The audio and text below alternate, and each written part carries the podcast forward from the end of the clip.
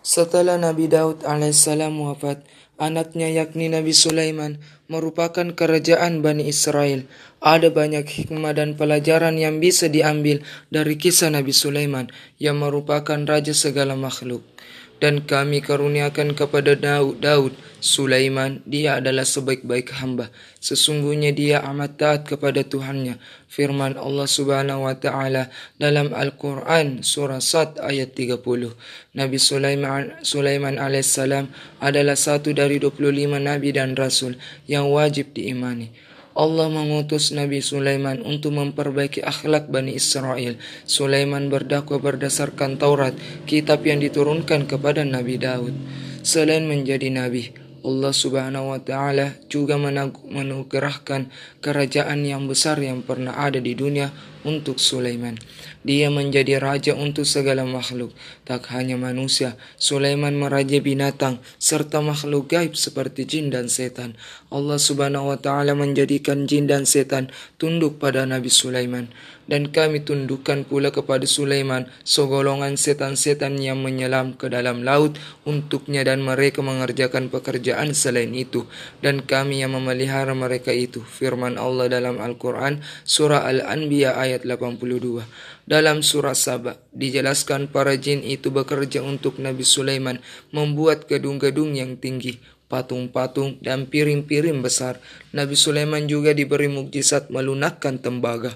Al-Kisah pada suatu hari Sulaiman mengumpulkan bala tentaranya yang terdiri dari jin, manusia, dan burung yang berbaris dengan tertib. Saat memeriksa kawanan burung, Sulaiman melihat burung hudhud tak ada di tempat. Mengapa aku tidak melihat Hudhud? Apakah ia termasuk yang tidak hadir? Pasti akan kuhukum ia dengan hukuman yang berat atau kusum, kusembeli ia kecuali jika ia datang kepadaku dengan alasan yang jelas. Kata Sulaiman sesuai dengan surah Al-Naml ayat 20 sampai 21. Tak lama Hudhud pun datang dan langsung memberi kabar dari negeri Sabah. Aku telah mengetahui sesuatu yang belum engkau ketahui. Aku datang kepadamu dari negeri Sabah, membawa suatu berita yang meyakinkan. Hudhud memberitahu bahwa dia menjumpai seorang perempuan dengan singgasana yang besar. Perempuan itu adalah Ratu Balkis. Hudhud menyebut Ratu Balkis dan pengikutnya menyembah matahari. Sulaiman tak langsung percaya pada berita yang disampaikan burung Hudhud akan kami lihat apa kamu benar atau termasuk yang berdusta. Sulaiman lalu memerintahkan Hudhud untuk membawa sebuah surat ke negeri Sabah. Saat mendapati surat itu, Ratu Balkis tampak terkejut dan kebingungan. Dengan nama Allah yang maha pengasih, maha penyayang. Janganlah engkau berlaku sombong terhadapku dan datanglah kepadaku sebagai orang-orang yang bersadiri. Tulis Sulaiman dalam surah itu. Balkis lalu mengutus anak buahnya untuk mengirimkan hadiah berupa harta benda yang berlimpah untuk Nabi Sulaiman. Nabi Sulaiman menolak hadiah itu dan mengancam bakal berperang melawan kerajaan Ratu Balkis. Apa yang Allah berikan kepadaku lebih baik daripada apa yang Allah berikan kepadamu. Tetapi kamu merasa bangga dengan hadiahmu kembalilah kepada mereka. Sungguh kami pasti akan mendatangi mereka dengan bala tentara yang mereka tidak mampu melawannya. Dan akan kami usir mereka dari negeri itu secara terhina dan mereka akan menjadi tawanan yang hina dina, kata Sulaiman. Sulaiman lalu menanyakan kepada bala tentaranya siapa yang sanggup membawa singgasana Ratu Balkis ke hadapannya sebelum mereka datang menyerahkan diri. Ifrit dari golongan jin berkata, bahwa ia sanggup membawa singgasana itu sebelum Nabi Sulaiman bangkit berdiri dari tempat duduknya.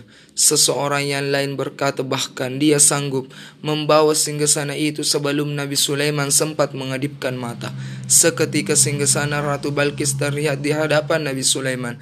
Balkis pun tiba di kerajaan Nabi Sulaiman.